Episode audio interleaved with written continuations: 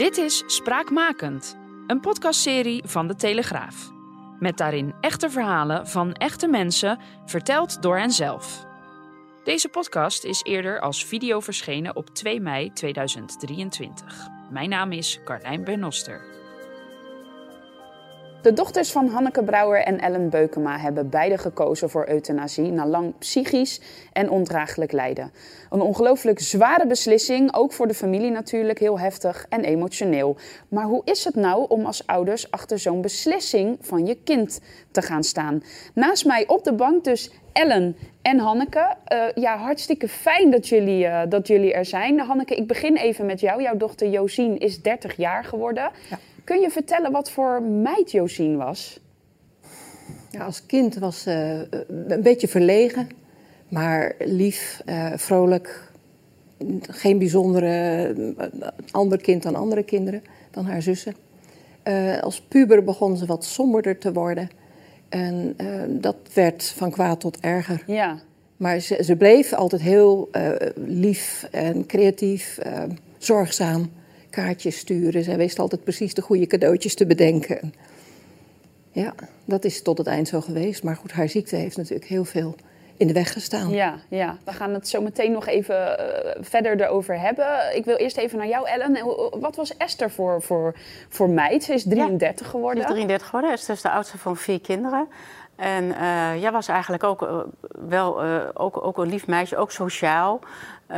wel ook wel, ze vroeg soms ook wel wat meer aandacht. Maar goed, de, de, alle andere kinderen deden het ook. Ze waren sowieso een beetje een druk gezin.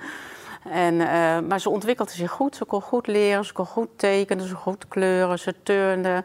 Ze was inderdaad ook altijd, wat, wat Josien dan ook eigenlijk al had, wel met cadeautjes en voor iedereen uh, mooie dingetjes uitzoeken. Niet voor zichzelf, want dat, ze vond zichzelf eigenlijk niks waard. En, en toen inderdaad in de ja. puberteit, toen begon bij haar zo rond 15, 16 begonnen ook de problemen. Ja. Dat het leven eigenlijk, dat het lastig werd, niet mee kunnen komen met leeftijdsgenoten. Ja, want merkten jullie dat dan ook gelijk al rond die tijd, dat er, dat er iets zeg maar anders ging? Of hoe merkten jullie dat überhaupt? Ja, geleidelijk. Geleidelijk, denk ik, ja. Het gaat niet vanzelf. Ik wil, elk kind komt in de puberteit en heeft dan van die periodes dat het wat moeilijker bereikbaar is en wat moeilijker te begrijpen is. Ja. Um, maar pas als dat echt uit de hand loopt, als je het gevoel krijgt van ze is heel depressief in, in ons geval, uh, of ze ontwikkelt een eetstoornis. Ja, Esther ontwikkelde een ja, eetstoornis. Josien ook. Ja. Um, dat was voor beide misschien... Het, het de start van eigenlijk ja. haar ziek zijn. We Ja. begonnen eigenlijk met uh, zich depressiever voelen. Dat, dat hadden we soms niet eens helemaal zo goed in de gaten. Maar die eetstoornis, dat, ja, dat, uh, toen konden we er gewoon niet meer omheen. Dat Nee. was gewoon...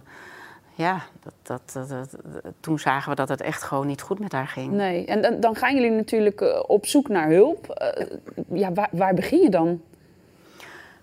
We begonnen eigenlijk eerst maar met de huisarts, denk ik. Want haar gewicht was eigenlijk zo eerst het gesprek met Esther aangaan. Zo van, wat is er aan de hand? En eh, we denken dat je een eetstoornis hebt. Hoe heb je een eetstoornis? Nou, dat eetstoornis, en dat kwam er dan ook inderdaad wel uit. En, Ja, en dus- dat, dat, is, dat was ook de diagnose. ja, dat is de eerste instantie. Ja. Ja. en toen later werd het borderline en eh, PTS. en, eh, nou, misschien wat autisme, chronisch suicidaal. nou, noem maar op. Dus er komt van alles bij. Maar het Ja. begon met een eetstoornis. En haar gewicht was op een gegeven moment ook zo laag...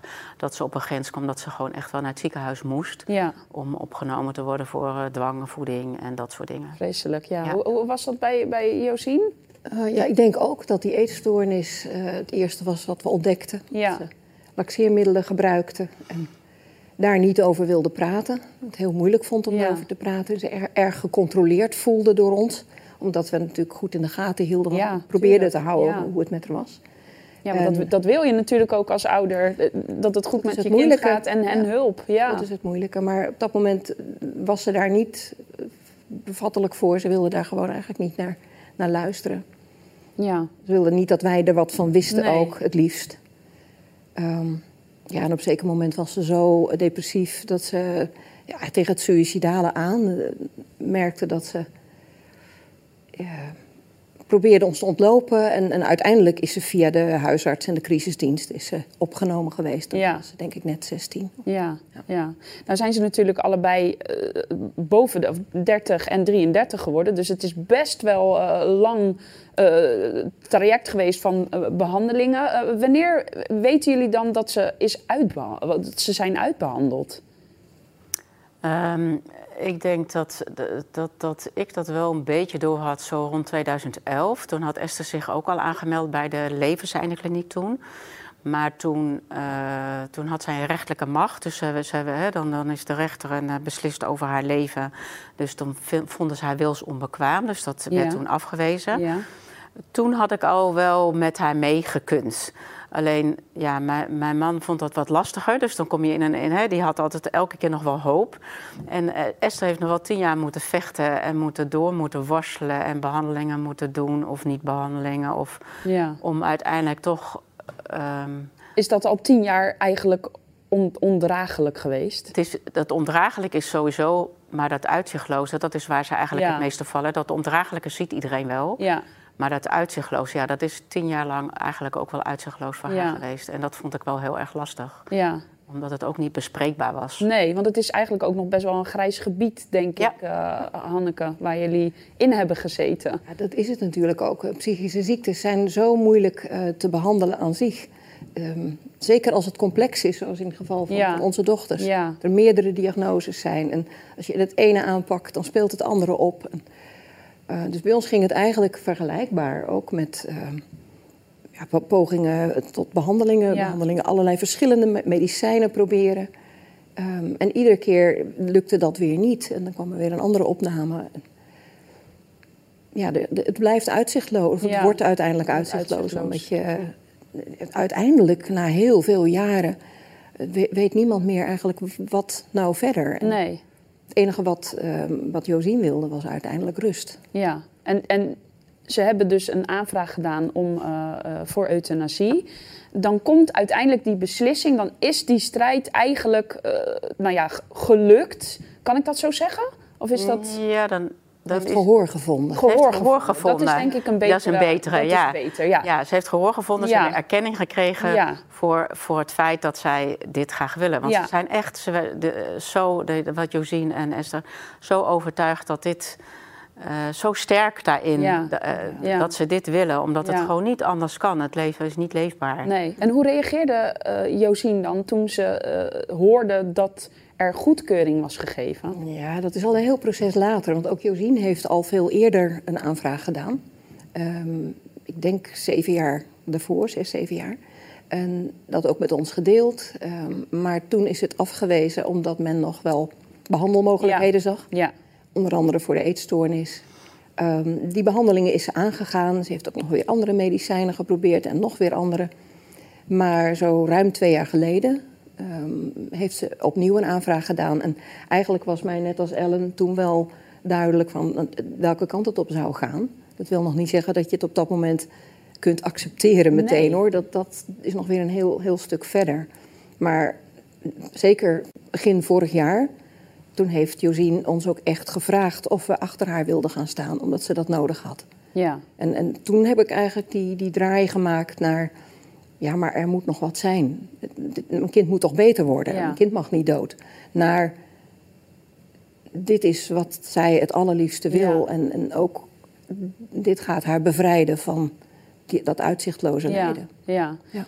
Ik kan me ook voorstellen dat het misschien ehm, de angst bij jullie. Want ik, we, we hebben ook hiervoor natuurlijk ook gesproken en daarom weet ik dit ook. Eh, je bent natuurlijk ook continu bang, omdat jullie aangeven, jullie dochters waren allebei suïcidaal, dat je dus een keer gebeld gaat worden. Ja. En dat ze dan helemaal alleen Ja. zo'n beslissing hebben eh, moeten nemen en doorgegaan zijn. En dat, Dat had ik echt heel Ja. erg gevonden. Ik had haar begrepen als ze suïcide had gepleegd. Ik had haar echt begrepen. Maar ik had het zo erg gevonden dat ze alleen dood had moeten gaan. En Ja. ze heeft altijd gezegd, ik wil niet alleen doodgaan. En dat is ook niet gebeurd. Hè. Ze is eh, geboren, waar ze begonnen is, is ze ook geëindigd. In mijn armen. dat is prachtig. Ja, en Ja. Dat, dat gun je eigenlijk gewoon heel veel eigenlijk iedereen. Ja. Niemand, niemand mag alleen doodgaan. Nee, nee, tuurlijk niet. niet. Nee, want, want jij was eh, bij het overlijden van, van, van Esther. Ja. Eh, hoe, hoe hebben jullie afscheid genomen? Ik kan me daar eigenlijk... Het is zo heftig. Nou, ze heeft toen, toen ze- de, de second opinion arts was Menno Oosterhof. En toen kreeg ze eindelijk de erkenning. En, en de laatste zes weken heeft Esther weer thuis gewoond. En toen hebben we gewoon als gezin hele mooie herinneringen gemaakt. Ja. Van hoe klein, hoe groot. Eh, alles was belangrijk. We hebben vingerafdruk gemaakt. En eh, we hebben nog met z'n allen een tattoetje van de vlinder. Esther voelde zich als een vlinder in een potje. En toen zij die ja kreeg, ging het potje open. En de vlinder eruit. En de vlinder eruit. En, en, en, en die laatste dag was, ja, weet je, we, we hebben eigenlijk. Iedereen heeft kunnen zeggen wat hij had willen zeggen. Ja. Er, er zijn geen vragen meer. En dus die laatste dag hebben we ook gewoon, ja, een hele gekke manier. De, onze kinderen hebben zitten puzzelen. En, en Esther dartel- dartelde er een beetje omheen, want het was pas middags. En ja, we, zijn met haar naar boven gegaan. En, en Rob en onze zoon wilden erbij zijn. Onze dochter was zwanger, 35 weken, die wilde er niet bij zijn. En een andere dochter, die waren er wel boven. En eh, ze gewoon we zijn in bed gaan liggen. En eh, Esther is in mijn armen gaan liggen. En, en Rob en Daan zaten erbij en die hielden haar hand vast. En ze is gewoon heel rustig. Ze was er gewoon zo klaar voor. Ze had een Ja. sok van mij en een sok van Rob aan. Dat is echt zo. Die later vond ik natuurlijk die andere sokken weer in die kast. Nou ja, dan is het echt gewoon. Oh ja, ja, ja. dat is echt vreselijk. Is Ja. dat. Ja. Ja. Maar, Ja, sorry. Ja, nee, goed. Nee, is goed. Nee. Nee. Ja, zo mooi dat je dit kunt doen voor haar, weet je. Zo. En voor jezelf ook. Ja, Want hier kunnen Ja. we wel mee verder. ja. Hoe, hoe is dat bij jou en, eh en Josien gegaan? Ja, anders. Ehm Josien woonde niet meer thuis en is ook niet meer thuis komen wonen. En zij heeft zelf beslist dat ze haar vader en mij niet bij dat moment wilde hebben. Vond ze dat te heftig? Denk ik, Ja. dat is moeilijk inschatten, maar eh zij heeft gevraagd, eh, een, een goede vriendin, haar beste vriendin en haar zus, Floor, die is erbij geweest samen met twee behandelaren, maar die hielden zich meer op de achtergrond. En Floor heeft ons verteld hoe dat gegaan is. En wij hebben allebei eh, apart eh, afscheid van haar genomen, een, een dag daarvoor. Ehm, en Josien en ik hadden afgesproken vanaf het moment dat, dat ik dus erachter ging staan. We, we blijven gewoon doen wat we altijd deden. De, de leuke uitstapjes, eh, gewoon waar zij zin in had. Ja. Dat kon naar, naar, naar een tuincentrum zijn of eh, een pretpark of, of een kasteeltje bekijken. Nog een keer in de achtbaan. Ergens nog eens een keer in de Ja. achtbaan. Ergens eh, koffie drinken, gewoon een stukje wandelen. Dat soort dingen bleven we dat laatste jaar gewoon doen. En dat hebben we tot het laatst gedaan. Dus de dag dat ik afscheid van haar nam, hebben we ook een stuk gewandeld en eh, koffie gedronken. En toen heb ik haar weer terug naar haar huis gebracht en een dikke knuffel gegeven. En dat was het. Ja. Een slokje water. Ja. Nou vind ik het wel heel mooi dat jij Ellen eh, een, samen met Bianca en Mirjam, laten we die namen Ja, ook zeker, zeker, noemen. zeker, Eh, zeker, die ja. zijn ook beide een dochter verloren door, Ja. eh, door euthanasie. Ja. Jullie zijn een stichting begonnen om, Ja. om ja, mensen eigenlijk eh, te helpen die ja, ook nou ja, eigenlijk lotgenoten eh, Ja, lotgenoten, ja. hè? Ja, Eh, de klopt. stichting die heet In Liefde Laten Gaan. Ja. Prachtig. ja, Het, is, het is eigenlijk zoals het is, denk Het is zoals ik. het is. Dat, ik bedoel, er staat, je ziet er bij velen op de kaart ook staan... uit liefde geboren, uit liefde laten gaan. En dat is het natuurlijk. Dat is eigenlijk het ultieme wat je als, als ouders kunt doen... is je kind laten gaan op deze manier. Ja. Dat is denk ik het, het, het, het allermoeilijkste... maar wel het ultieme houden van ja, is dat. Ja, En, en eh, doordat Kit van Mechelen en Menno Oosterhof hebben nog een interview van Esther gemaakt... tien dagen voor ze overleed. En, en Kit had dan de euthanasie bij Sarah gedaan, van Mirjam.